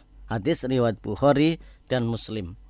Dalam kitab Syarah Muslim An-Nawawi dikatakan bahwa yang dimaksud dengan al-mutanamisoh adalah para wanita yang minta dicukur bulu di wajahnya. Sedangkan wanita yang menjadi tukang cukurnya namanya Anamisoh. An-Nawawi juga menegaskan bahwa larangan dalam hadis ini tertuju untuk bulu alis. Ibnu Allan mengatakan dalam syarah Riyadus Solihin Wana misotu allati takhudhu min sya'ri hajibi ghairiha wa turakkikuhu liyasira hasanan wal mutanammisatu allati ta'muru man yaf'alu biha dzalik. Anamisah adalah wanita yang mencukur bulu alis wanita lain atau menipiskannya agar kelihatan lebih cantik. Sedangkan al mutanamisah adalah wanita yang menyuruh orang lain untuk mencukur bulu alisnya. Dua-duanya haram. Beberapa ulama yang mengarang kitab kumpulan dosa-dosa besar menyebutkan bahwa Salah satu di antara dosa yang masuk daftar dosa besar adalah mencukur atau menipiskan bulu alis. Karena terdapat hadis yang menyebutkan bahwa Allah melaknat para wanita yang mencukur bulu asli di wajahnya seperti bulu alis meskipun itu untuk tujuan kecantikan. Demikian wallahu a'lam. Pilihan Anda. Salah satu di antara pokok keyakinan ahlus sunnah wal jamaah adalah mengimani keberadaan surga. Bukan hanya ahlus sunnah wal jamaah, setiap muslim, setiap mukmin pasti apa pun golongan mereka, apa pun firqah mereka, mereka juga tahu bahwa salah satu hal yang pasti ada itu adalah surga. Bukan hanya seorang muslim, bukan seorang mukmin, bahkan mereka orang-orang kafir pun dengan berbagai kesesatan dan penyimpangan yang mereka lakukan yang mereka kira itu adalah kebenaran itu pun dikarenakan mereka berharap masuk surga surga ini merupakan keyakinan bersama. Ada yang keyakinan terhadap surganya benar ada yang keyakinan terhadap surganya salah. Ada yang cara meraih surganya benar ada cara yang harapan meraih surga itu salah. Yang jelas khususnya ahlus sunnah wal jamaah memiliki itikot, memiliki akidah, kepercayaan, prinsip dasar bahwa surga itu ada. Salah satunya berdasarkan firman Allah Subhanahu wa taala yang artinya wabasyiril ladzina amanu wa amilus solihat. Dan kabarkanlah, berilah kabar gembira, sampaikan kabar gembira ini wahai Muhammad Shallallahu Alaihi Wasallam. Ini adalah khitab dari Allah Subhanahu Wa Taala kepada Rasulullah Shallallahu Alaihi Wasallam. Bashir sampaikan kabar gembira. Untuk siapa? Orang-orang yang beriman wa amilus solihat iman dengan fi kolbi percaya benar tentang semua yang datang dari Allah Subhanahu wa taala wa amilus solihat mereka juga merealisasikan kepercayaannya Sholat wajib dan dia melaksanakan sholat. Puasa wajib dan dia melaksanakan puasa, zakat wajib dan dia melaksanakan zakat. Kewajiban untuk mempercayai apa yang datang dari Rasulullah Shallallahu Alaihi Wasallam wajib dia imani secara benar dan dia pun menjalankan semua perintah-perintah Rasulullah Shallallahu Alaihi Wasallam khususnya yang wajib dan meninggalkan semua apa yang dilarang oleh Rasulullah Shallallahu Alaihi Wasallam khususnya yang haram. Wa amanu wa amilus salihat. Apa yang harus disampaikan? Kabar gembira untuk mereka lilladzina amanu dan amilus salihat annalahum jannat. Untuk mereka surga surga. Apa maksudnya? Jannat ini adalah jamak dari jannah. Surga itu bertingkat-tingkat. Surga itu banyak ragam kenikmatan di dalamnya. Dengan berbagai aneka ragam segala hal yang Allah Subhanahu wa taala sediakan untuk penghuninya. Makanya disebutkannya dalam bentuk jamak surga surga. Pintunya banyak ada delapan. Tingkatannya banyak ada seratus. Dan setiap satu tingkatan ke tingkatan yang lain ini antara bumi dan langit. Dan kita harus tasabuk fil khairat untuk mendapatkan yang paling tinggi. Dan ketika kita minta uh, surga oleh Rasulullah Shallallahu Alaihi Wasallam dianjurkan mintalah firdaus ya. Analahum jannat tajri min tahtihal anhar di mana jannat itu mengalir di bawahnya sungai-sungai sebuah keindahan kebun, sebuah keindahan taman, sebuah keindahan apa pun itu rasanya tidak sempurna kalau tidak ada nuansa airnya Sampai kita yang pengen rihlah sekalipun kalau nggak ada nuansa airnya juga terasa kurang. Kita membuat rumah kalau nggak ada gerojokannya, kericikannya juga terasa kurang.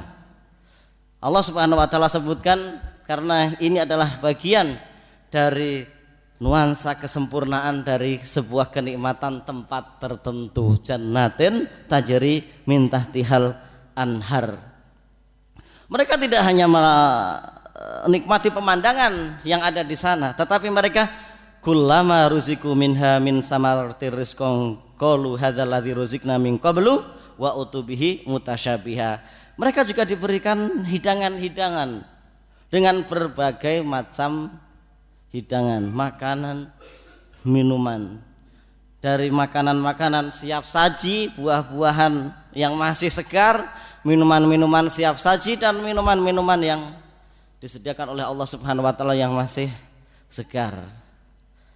Ya. Kullama ruziku minha min samaratin rizqo. Di sana mereka katakan qalu hadzal ladzi ruzikna min qablu. Ini kayak yang pernah kita makan kapan di dunia. Seperti halnya yang kita lihat kapan di dunia. Boleh jadi kita saat di dunia pernah makan ini makan itu begitu ya. Tapi boleh jadi di dunia kita hanya bisa melihat begitu saja. Modal YouTube, melihat, menjelajah kuliner, ya hanya melihat saja. Tapi di sana kita bisa menikmatinya langsung dan kita katakan qalu hadzal ladzi ruzikna min qablu. Ini seperti makanan-makanan dunia. Wa utubihi mutasyabiha. Diberikan itu mirip secara nama ataupun bentuk di dunia. Sebagian ulama mengatakan mutasyabiha di sini atau seperti halnya buah-buah di dunia ini secara nama dan bentuk anggur ya boleh jadi bentuknya adalah bentuk anggur dan namanya adalah nama anggur tapi rasa ukuran dan segalanya berbeda.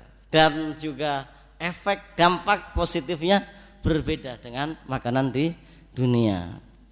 Kita nggak tahu wallahualam karena tidak di terangkan secara detail tapi yang jelas di surga malah ainun roat wala udunun samiat wala khotora ala kolbi basyarin boleh jadi kita ngangkat tangkai anggur begitu dengan enam biji enam buah atau tujuh buah dengan satu tangan. Boleh jadi di sana tangkainya segede tangkai apa itu kelapa begitu ya.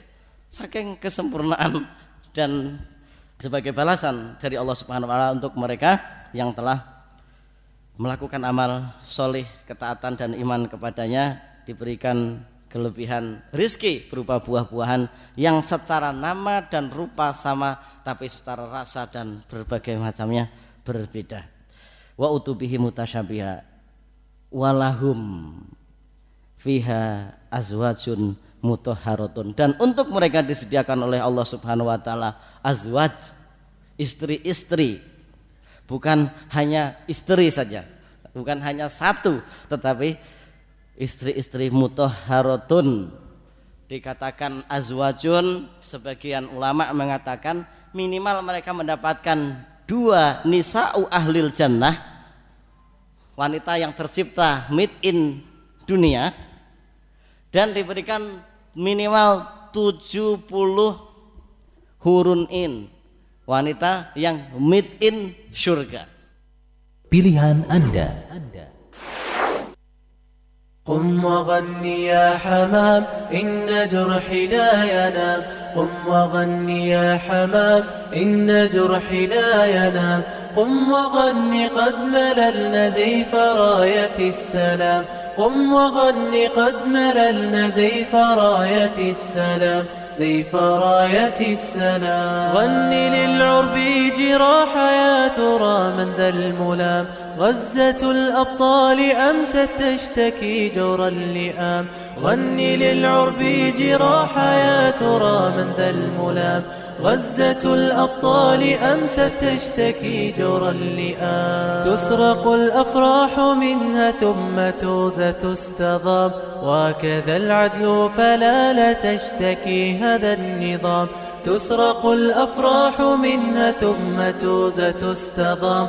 وكذا العدل فلا لا تشتكي هذا النظام. قم وغني يا حمام إن جرحي لا ينام. قم وغني يا حمام إن جرحي لا ينام. قم وغني قد مللنا زيف راية السلام. قم وغني قد مللنا زيف راية السلام. زيف راية السلام. يا لصمت الفعل فينا كم برزنا في الكلام. ما أجدنا في سواه آه هلمة الكرام؟ يا لصمت الفعل فينا كم برزنا في الكلام. ما أجدنا في سواه آه هلمة الكرام؟ صمتكم يعرب خزي يسحق الشعب الهمام. كم كمين بات يخشى نصر شعب بالحسام. صمتكم يعرب خزي يسحق الشعب الهمام. كم كمين بات يخشى نصر شعب بالحسام إن هذا الصمت جرح قد تنام في العظام كيف نسلو المنايا مورقات للأنام Ya itulah materi pilihan Anda berada di ketiga materi yaitu di materi yang ketiga, empat, dan kelima Di materi yang ketiga dengan tema penghalang-penghalang dalam membangun komitmen dalam Islam Dan di materi yang keempat dengan tema mengimani surga Di materi yang kelima dengan tema bolehkah memakai kutek ketika haid dan apa hukum memotong alis Ya kami ucapkan syukuran jazakumullah khairan kasihan kepada Anda yang telah ikut berpartisipasi memilih materi pilihan pada acara Pildas yang kali ini terkhusus yang memilih di materi yang ketiga, empat, dan kelima. Ya, semoga bermanfaat dan juga dapat menambah wawasan keislaman Anda. Amin. وغني يا حمام إن جرحي لا ينام قم وغني يا حمام إن جرحي لا ينام قم وغني قد مللنا زيف راية السلام قم وغني قد مللنا زيف راية السلام زيف راية السلام غني للعرب جراح يا ترى من ذا الملام. غزة الأبطال أمست تشتكي جور اللئام. غني للعرب جراح يا ترى من ذا الملام. غزة الأبطال أمست تشتكي جور اللئام تسرق الأفراح منها ثم توزة تستضام. وكذا العدل فلا لا تشتكي هذا النظام. تسرق الأفراح منها ثم توزة تستضام. وكذا العدل فلا لا تشتكي هذا النظام. قم وغني يا حمام إن جرحي لا ينام. قم وغني يا حمام إن جرحي لا ينام قم وغني قد مللنا زيف راية السلام. قم وغني قد مللنا زيف راية السلام. زيف راية السلام. يا لصمت الفعل فينا كم برزنا في الكلام. ما أجدنا في سواه آه هلمة الكرام. يا لصمت الفعل فينا كم برزنا في الكلام ما أجدنا في سواه آه هلمة الكرام صمتكم يعرب خزي يسحق الشعب الهمام كم كمين بات يخشى نصر شعب بالحسام صمتكم يعرب خزي يسحق الشعب الهمام كم كمين بات يخشى نصر شعب بالحسام Iya, selamat kepada para pemenang kuis pengetahuan agama Islam bersama Radio Fajri 99.3 FM. Periode 15 sampai 20 Februari 2021 berikut adalah mereka yang beruntung. Yang pertama ada Ratnawati di Babelan Bekasi, ada juga Alifa Rahma di Tiga Karsa Tangerang, ada Iya Syahria di Cibinong Bogor. Empat yang keempat pemenang keempat ada Bernard di Bogor Barat. Ada di pemenang kelima di nomor lima ada Jajang di Gunung Putri Bogor. Terus pemenang yang terakhir atau yang keenam ada Solihah di Bantar Gebang Bekasi Ya, pemenang akan dihubungi oleh admin kami untuk teknis penyerahan hadiahnya. Dan untuk Anda yang belum beruntung jangan khawatir Masih ada kesempatan selanjutnya di pekan depan. Stay tune terus di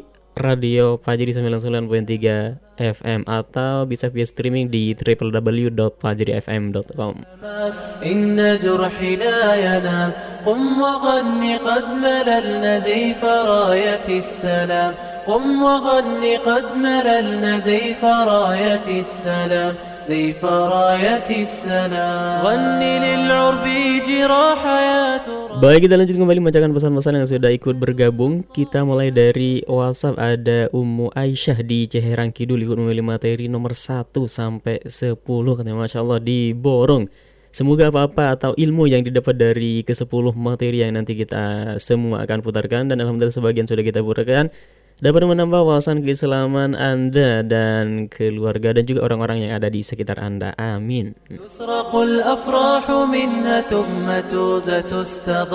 وكذا العدل فلا لا تشتكي هذا النظام قم وغني يا حمام إن جرحي لا ينام قم وغني Ya masih dari WhatsApp ada hamba Allah Katanya Assalamualaikum pilih nomor satu kak. Terima kasih katanya. Ya dari Leni di Bogor katanya.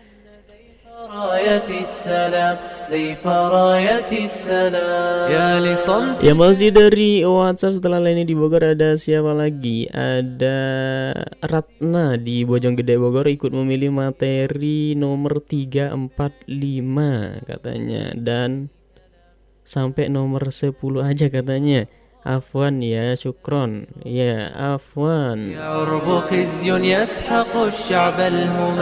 Ya masih dari Whatsapp ada Mama Ayu di Jakarta Selatan di Pasar Minggu Jati Padang Putra. Katanya memilih materi nomor 1, 2, 3, 4, 5, 6, 7, 8, 9, 10 Semuanya katanya karena semuanya penting. Ya masih dari WhatsApp ada Ibu Ade di Ciamas pilih semua materinya syukron afwan هذا الصمت جرح قد تنام في العظام كيف نسلو المنايا مورقات Ya masih dari masa setelah Ibu Ade ada Arto di Citayam ikut memilih materi yang keenam وغني يا حمام إن جرحي لا ينام قم وغني قد مللنا زيف راية السلام قم وغني قد Masih dari WhatsApp ada Panjri Krisnaya di Pondok Kelapa Jakarta Timur ikut memilih materi yang ketiga. Ya, di materi yang ketiga dengan tema penghalang-penghalang dalam membangun komitmen dalam Islam dan alhamdulillah materi tersebut sudah kita putarkan.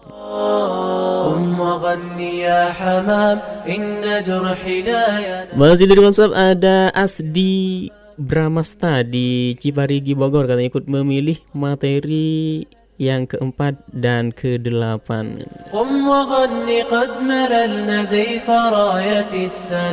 Dan dalam drama materi yang keempat dan kedelapannya sudah kita putarkan.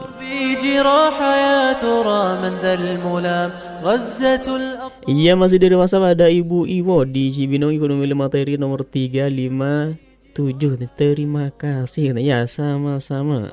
غزة الأبطال أمست تشتكي جرى اللئام تسرق الأفراح منها ثم توزة تستضام وكذا العدل فلا لا تشتكي هذا النظام تسرق الأفراح منها ثم توزة تستضام Ya masih dari WhatsApp ada Sufardi Idris Domisili Jalan Apa ini Jalan Cifor Bubulak Katanya ikut memilih materi Allah ingatkan manusia atau nomor enam katanya.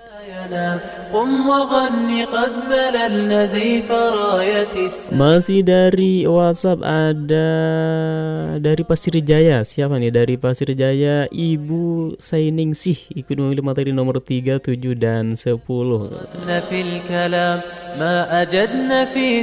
masih dari WhatsApp ada Nisa Kamila di Depok ikut memilih detik-detik memajang eh iya. Detik-detik menjelang hari kiamat ya. ya iya, masih dari WhatsApp ada siapa lagi dari WhatsApp? Ada mana nih namanya ada Sri Mulan di Jakarta Jakarta Selatan ikut memilih materi semuanya katanya pilih semua materi untuk semua kru radio Pak jadi selamat bertugas syukur kata Afwan قد تنام في العظام كيف نسلو المنايا مغرقات للأنام إن Masih dari WhatsApp ada Umi Naba dari Tambun Utara, Sriamur Bekasi katanya ikut memilih semua materi syukron kata Afwan.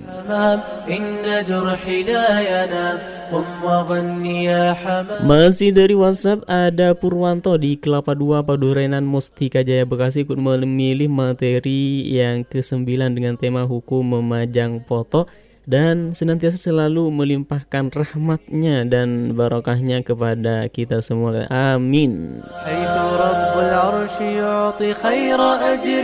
Iya masih dari WhatsApp ada siapa lagi dari WhatsApp ada Suhara ekonomi dan materi yang ke-9 dalam dalam materi yang ke-9 sudah kita putarkan. Ya hamam inna jurhi Masih dari WhatsApp ada Umi Tini di Pancoran Mas menyimak aja syukron katanya. Ya selamat menyimak semoga Allah Subhanahu wa taala senantiasa memberikan kemudahan dan keistimewaan dalam mendengarkan siaran-siaran Islam dari Radio Panjeri. Amin.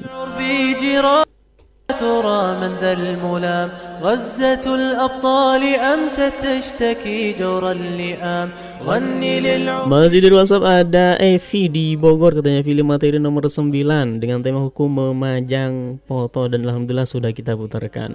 تسرق الأفراح منها ثم توزة تستضام Masih dari WhatsApp ada hamba Allah di Bogor Barat ikut memilih materi nomor 1, 8, 10 syukron katanya alhamdulillah nomor satunya sudah dan dan nomor delapannya sudah kita putarkan. Syukron kan afwan.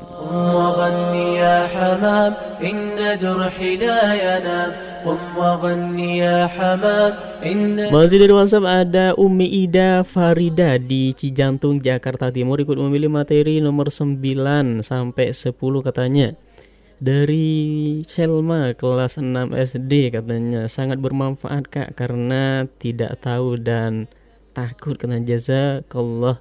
Iya, iya sama-sama dari Selma.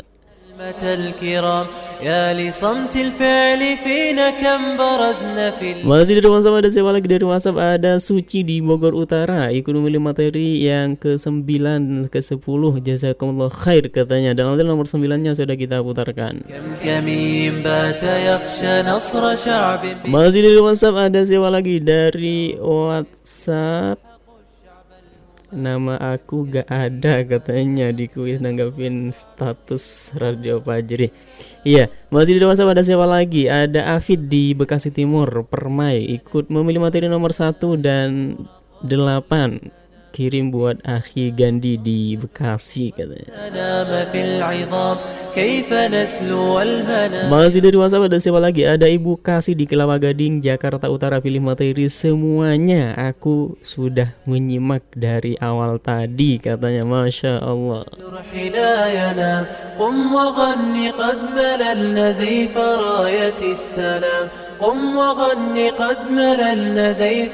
Ya masih di WhatsApp ada siapa lagi? Ada dari Edi Ebek di Kampung Sawagang Belimbing dan Denny di Ciapus Gang Purnama Gaus di Jawi Amir di Cikirai Ati Tini Endes di Padabuaran dan keluarga besar Balat RW Jabar Banten katanya kita semua pilih materi 1 sampai 10 katanya. Iya.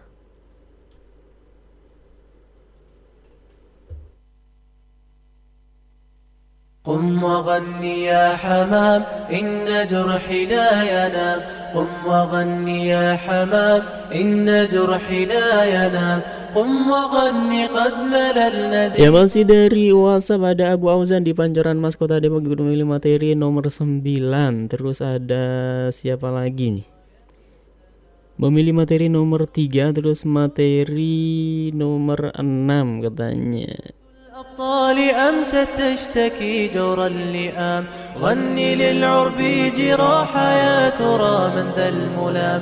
غزة الأبطال أمست تشتكي جور اللئام Dan Alhamdulillah materi nomor 6 dan 9-nya sudah kita putarkan. 3 dan 9-nya sudah kita putarkan. العدل فلا لا تشتكي هذا النظام تسرق الأفراح منها ثم توزى تستضام وكذا العدل فلا لا تشتكي هذا النظام قم وغني يا حمام إن جرحي Ya masih dari WhatsApp ada siapa lagi? Dari WhatsApp ada Suhara yang tadi sudah kita putarkan Terima kasih Alhamdulillah sudah diputarkan Semoga Fajar FM selalu mendapatkan keberkahan. Amin katanya. Ya dari Bapak Suhara ما أجدنا في سواه آه هلمة الكرام يا لصمت الفعل فينا كم برزنا في الكلام ما أجدنا في سواه آه هلمة الكرام صمتكم يا عرب خزي يسحق الشعب الهمام كم كمين بات يخشى نصر شعب Ya Hunir yang berbahagia dimanapun saat ini Anda berada Itulah materi-materi yang dapat kami sajikan pada acara Pilda kali ini Kami ucapkan syukuran jazakumullah khairan kasihan kepada Anda yang telah berpartisipasi memilih materi pilihan pada acara Pilda kali ini Begitu pula bagi Anda yang masih setia mendengarkan Radio Fajri sampai saat ini Mohon maaf bagi Anda yang pesannya belum kami bacakan Semoga di lain kesempatan bisa bergabung kembali bersama kami. Akhirnya saya Mas Udi pamit undur diri dari ruang dengar Anda. Subhanaka Allahumma wa bihamdika asyhadu an la ilaha illa anta astaghfiruka wa atubu ilaik. Wassalamualaikum warahmatullahi wabarakatuh. قم وغن قد مللنا زيف راية السلام قم وغن قد مللنا زيف راية السلام ذا جريح ذا شهيد في وصال الموت Pilihan Anda.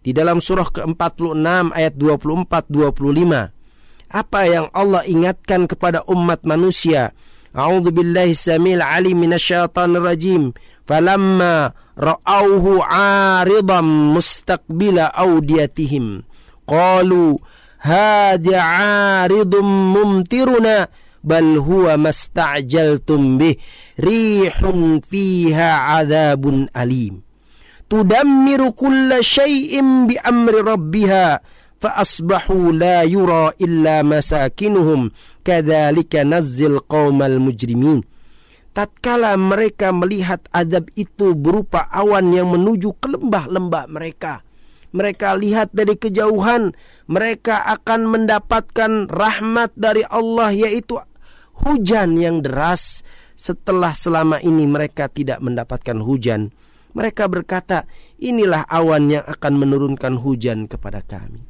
Allah menjawab dengan sangat tegas, "Bukan. Itu bukan awan yang akan menurunkan hujan kepada kalian.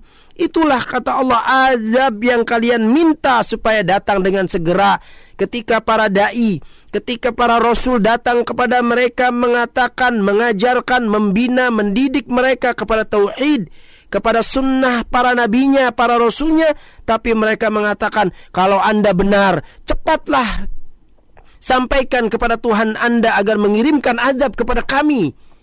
Sangat berani dan sangat membangkang sekali sangat sombong dan angkuh seakan-akan mereka yang menciptakan alam semesta. Seakan-akan mereka lah yang memiliki alam semesta. Seakan-akan mereka lah yang berhak dan mampu memberi perintah kepada gunung, kepada langit, kepada bumi, kepada matahari, kepada bulan, kepada bintang. Mereka lupa mereka adalah makhluk-makhluk yang hina. Ya. Lalu Allah Subhanahu wa taala mengatakan, Itulah adab yang kalian minta supaya datang dengan segera yaitu angin yang mengandung adab yang amat pedih. Angin sih. Allah. Kita lihat angin di mana-mana. Bahkan angin yang mengirimkan debu-debu vulkanik ya. Angin yang mengirimkan debu-debu yang mematikan, debu batas. Itu pun terjadi ketika kita lihat Merapi menampakkan kemurkaan yang Allah Subhanahu wa taala perintahkan kepada mereka. Jadilah mereka tidak ada yang kelihatan lagi kecuali bekas-bekas tempat tinggal mereka. Kita lihat orang yang selama ini dianggap pahlawan besar. Yang mengatakan adalah penjaga dari gunung. Yang mengatakan dengan dengan seberani-beraninya dan sesombong-sombongnya mengatakan bahwa bisa menjaga gunung. Allah buktikan hancur tiada berdaya sedikit pun di hadapan Rabbul Alamin di hadapan makhluk-makhluk dan senjata yang tidak bisa dibuat oleh peradaban mana pun. Hanya gunung-gunung yang mengeluarkan lapa, air panas, debu panas, dan lain sebagainya.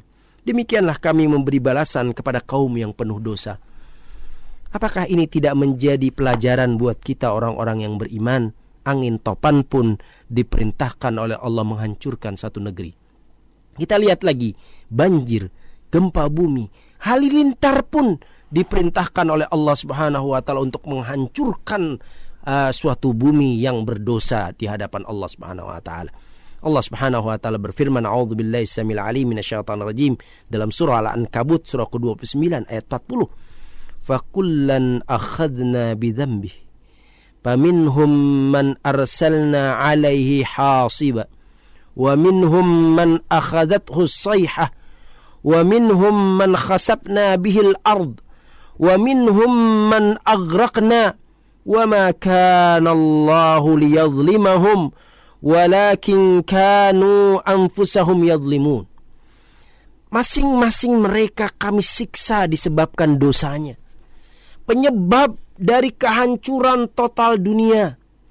Penyebab dari banjir besar-besaran, gempa bumi, halilintar yang Allah ceritakan di dalam ayat ini Allah sebutkan penyebab dasarnya adalah bidzambi dosa-dosa yang diperbuat dan dilakukan oleh umat yang tinggal di dalam negeri itu. Sadari oleh kita semua yang berfirman adalah Rabbul Alamin yang pasti benar firmannya yang tidak mungkin berdusta firmannya bidzambih karena dosa kalian Allah siksa mereka dengan sebab itu. Apa yang Allah berikan kepada mereka setelah dosa-dosa yang mereka lakukan? Di antara mereka ada yang kami timpakan kepadanya hujan batu kerikil. Hujan batu kerikil yang sangat mengerikan. Di antara mereka ada yang ditimpa suara keras yang mengguntur. Suara yang menghancurkan telinga-telinga umat manusia yang sombong dan membangkang di hadapan Allah. Di antara mereka ada yang kami benamkan ke dalam bumi, longsor dahsyat terjadi.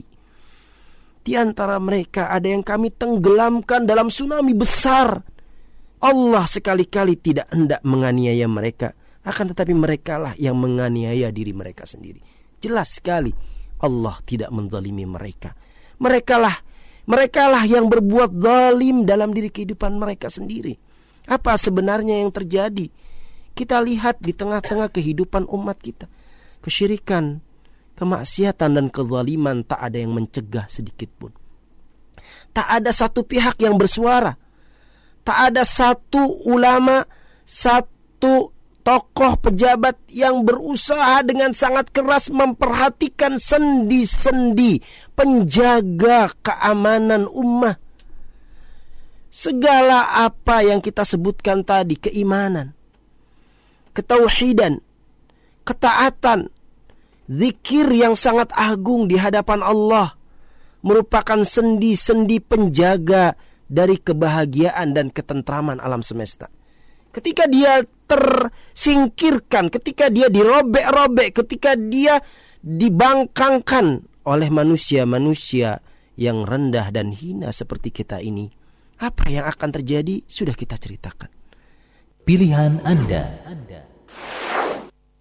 Pendengar rahmatullah, pada kesempatan kali ini kita akan membahas dua nama Allah Subhanahu wa taala yang mengandung sifat yang sangat mulia yaitu Al-Qabid dan Al-Basit.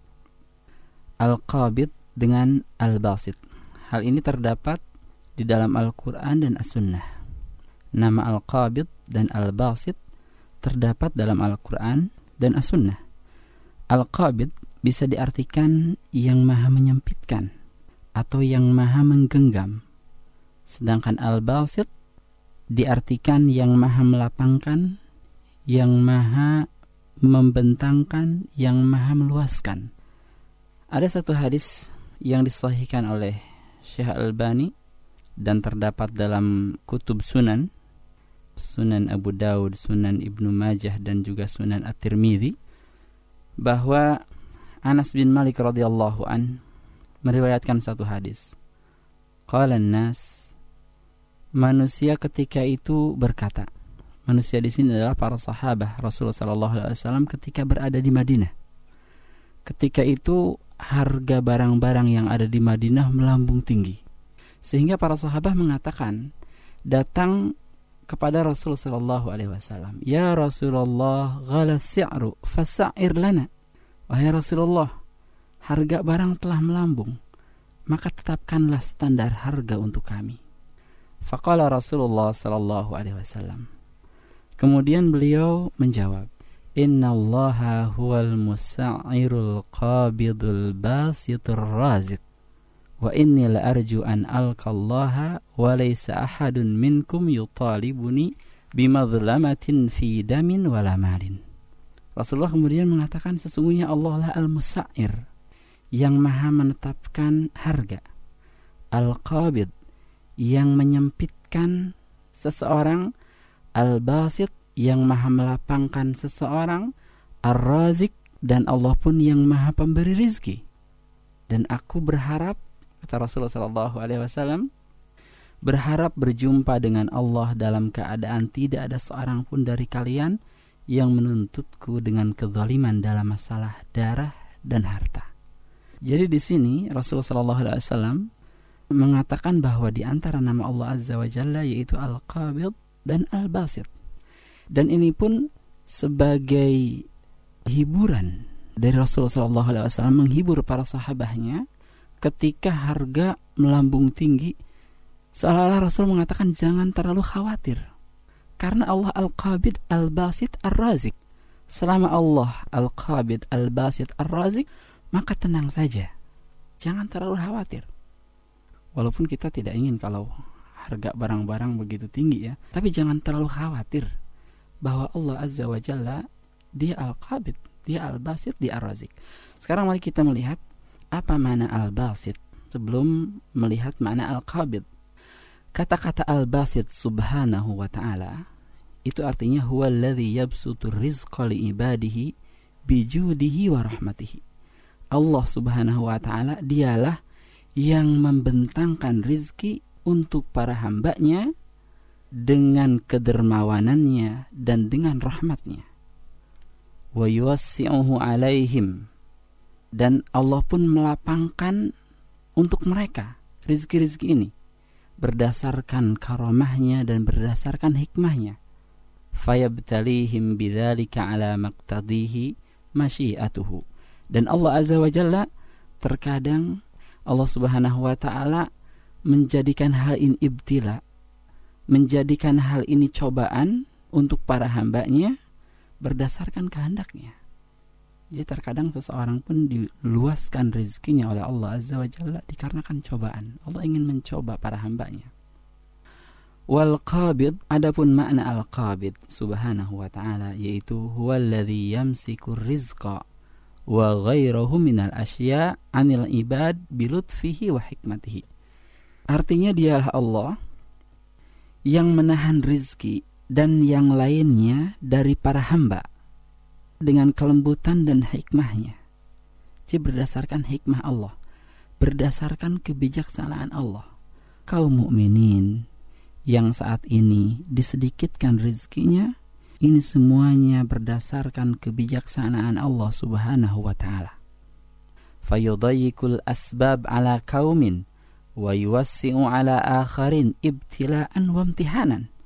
Allah Azza wa Jalla dengan dua nama ini Al-Qabid dan Al-Basit Allah menyempitkan sebagian orang, menyempitkan hartanya, dan Allah pun meluaskan sebagian hartanya untuk sebagian orang yang lain sebagai ibtila dan imtihan, sebagai ujian, tidak lebih dari itu.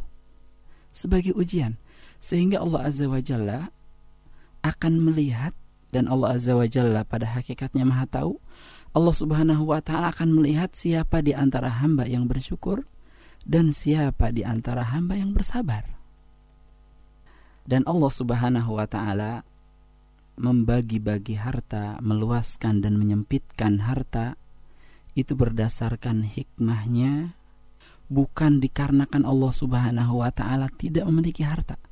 Ketika Allah Azza wa Jalla memiskinkan sebagian manusia bukan berarti perbendaharaan Allah Subhanahu wa taala itu habis, tidak. Tapi karena hikmah Allah Subhanahu wa taala. Perbendaharaan Allah Azza wa Jalla banyak sekali sangat luas sekali dan tidak akan habis. Tapi memang Allah Azza wa Jalla menginginkan demikian untuk sebagian hambanya sebagai ujian. Dalam surat Al-Hijr ayat 21 Allah Subhanahu wa taala berfirman A'udzubillahi minasyaitonirrajim tidak ada sesuatu apa pun kecuali hal itu terdapat di dalam khazanah kami jadi sesuatu apa pun sebenarnya terdapat dalam khazanah Allah Subhanahu wa taala terdapat dalam perbendaharaan Allah Subhanahu wa taala. Semuanya ada di sisi Allah Subhanahu wa taala. Harta, emas, perak, semuanya ada di sisi Allah Subhanahu wa taala dan kami tidak menurunkan kecuali biqadari maklum, kecuali dengan dengan kadar yang diketahui, dengan kadar yang sedikit saja. Pilihan Anda. Dalam hadis yang sahih bersabda Rasulullah sallallahu alaihi wasallam, la taqumus sa'atu illa ala syiraril khalaq. Tidak akan terjadi hari kiamat kecuali atas seburuk-buruk makhluk. Ya. Hadis riwayat Muslim. Seburuk-buruk makhluk. Ya, yang musyrik menyekutukan Allah Ta'ala dan tidak memiliki rasa malu sedikit pun atau iffah ya dan mereka tidak memiliki rasa kasih sayang terhadap sesama manusia hatinya seperti hati binatang buas dan akalnya seperti akal burung tidak memiliki pertimbangan yang matang tidak berpikir, tidak berhitung, ya. Jadi tidak ada yang mereka buru kecuali kesenangan dan hawa nafsu. Dan mereka tidak peduli dengan sesama, ya. Tidak ada rasa kasih sayang, memperhatikan orang-orang miskin atau memiliki rasa iba, tidak ada. Mereka betul-betul hatinya bagaikan binatang buas dan akalnya seperti burung, seperti kecepatan burung yang bergerak tanpa pertimbangan, ya. Dan pada akhirnya mereka nanti akan menyembah patung-patung dan kehidupan kembali seperti zaman jahiliyah dahulu. Jadi manusia nanti akan kembali kepada zaman jahiliyah yang pertama atau bahkan lebih pekat lagi, lebih sesat lagi. Dari Abdullah bin Amr bin As radhiyallahu anhuma ya, dalam Sahih Muslim bersabda Rasulullah sallallahu alaihi wasallam ya tentang detik-detik menjelang hari kiamat. Ya. Kemudian Allah Taala mengutus angin yang dingin dari arah Syam. Maka tidak tersisa di muka bumi seorang pun yang dalam hatinya ada seberat darah kebaikan atau iman, melainkan akan dicabut nyawanya oleh angin yang dingin tadi. Sehingga ketika kalaupun salah seorang di antara kalian yang beriman masuk ke dalam sebuah gua di tengah gunung, niscaya angin yang dingin tadi akan menyusulnya dan menjemputnya dan mencabut nyawanya. Abdullah bin Amr berkata, aku telah mendengarnya hal ini dari Rasulullah sallallahu alaihi wasallam. Lalu dia melanjutkan riwayatnya. Setelah itu yang tersisa adalah seburuk-buruk manusia. Yang mereka ini akalnya seperti akal burung, bergerak tanpa perhitungan. Dan hati serta pikiran mereka seperti binatang buas. La ya'rifuna ma'rufan wa la yunkiruna munkaran. Mereka tidak mengenal satu kemakrufan sedikit pun. Tidak mengenal satu pun yang ma'ruf dan tidak mengingkari sesuatu yang mungkar. Jadi semua yang mungkar mereka anggap ma'ruf dan semua yang ma'ruf mereka tidak kenal sama sekali. Inilah syirarul khalq, seburuk-buruk makhluk, seburuk-buruk manusia. Nah, setelah keadaan manusia seperti ini, maka syaitan ya, syaitan mendatangi mereka menjelma seperti manusia. Syaitan datang seperti manusia lalu berseru kepada mereka, "Maukah kalian menyambut perintahku? Maukah kalian mengikutiku?" Maka manusia berkata, apa yang kau perintahkan terhadap kami? Apa perintahmu? Maka syaitan yang menjelma tadi berkata, hendaknya kalian menyembah berhala-berhala atau patung-patung. Sembahlah oleh kalian patung-patung. Maka mereka pun menyembah patung-patung. Lihat, disuruh dengan satu seruan seperti ini, langsung mereka menyambutnya dan menyembah berhala serta patung-patung. Kemudian sabda Nabi SAW, sementara keadaan ma'isyah mereka ya. Penghidupan, keadaan penghidupan mereka ketika itu dalam keadaan kelapangan soal rizki. Rizki mereka mengalir dengan lapang sekali. Kehidupan mereka sangat baik. Kehidupan mereka sangat makmur, sangat baik. Rizki mereka dilapangkan oleh Allah. Selapang-lapangnya. Kehidupan mereka dalam kebaikan. Dalam kebaikan dalam arti rizkinya luas sekali. Kehidupan mereka tidak ada kekurangan sedikit pun. Berkelimangan dalam kenikmatan. Padahal mereka musyrikin dan menyembah patung-patung. Ini istidraj namanya. Ya. Thumma yunfakhu sur. Nah setelah seperti ini keadaan mereka, maka kemudian sangkakala pun ditiup oleh Israfil. Hadis riwayat Muslim. Nah seperti ini detik-detik terjadinya hari kiamat. Keadaan penghidupan manusia dalam kemakmuran. Rizki mereka melimpah, lapang sekali. Tapi mereka tidak mengenal sesuatu yang ma'ruf dan tidak mengingkari sesuatu yang mungkar. Mereka melakukan kesyirikan, menyembah patung-patung dan berhala-berhala, memiliki hati-hati yang buas seperti binatang buas, dan tidak mengenal Allah sama sekali. Nah, di atas mereka inilah nanti terjadinya hari kiamat. Nah, seperti inilah hari kiamat sebelum terjadinya. Islam akan diangkat oleh Allah kembali ke sisinya. Al-Quran akan dinaikkan kembali ke langit. Karena Al-Quran datang dari Allah, diturunkan oleh Allah. Dan akan kembali ke sisi Allah. Seperti semula ya. Jadi Al-Quran sebagaimana diturunkan oleh Allah, maka dia akan kembali naik ke sisi Allah Ta'ala. Sehingga tidak ada yang tersisa dari satu ayat pun dari Al-Quranul Karim dan manusia tidak mengenal syariat, tidak mengenal petunjuk. Nah, mereka yang hanya mengenal kalimat la ilaha illallah pun pada akhirnya akan di, dimatikan oleh Allah. Sehingga yang tersisa adalah orang-orang yang kafir, yang musyrik dan tidak memiliki akhlak sedikit pun. Mereka ini yang akan menyaksikan hari kiamat. Pilihan Anda. Anda. قم وغني يا حمام إن جرحي لا ينام. قم وغني يا حمام إن جرحي لا ينام. قم وغني قد مللنا زيف راية السلام. قم وغني قد مللنا زيف راية السلام. زيف راية السلام. غني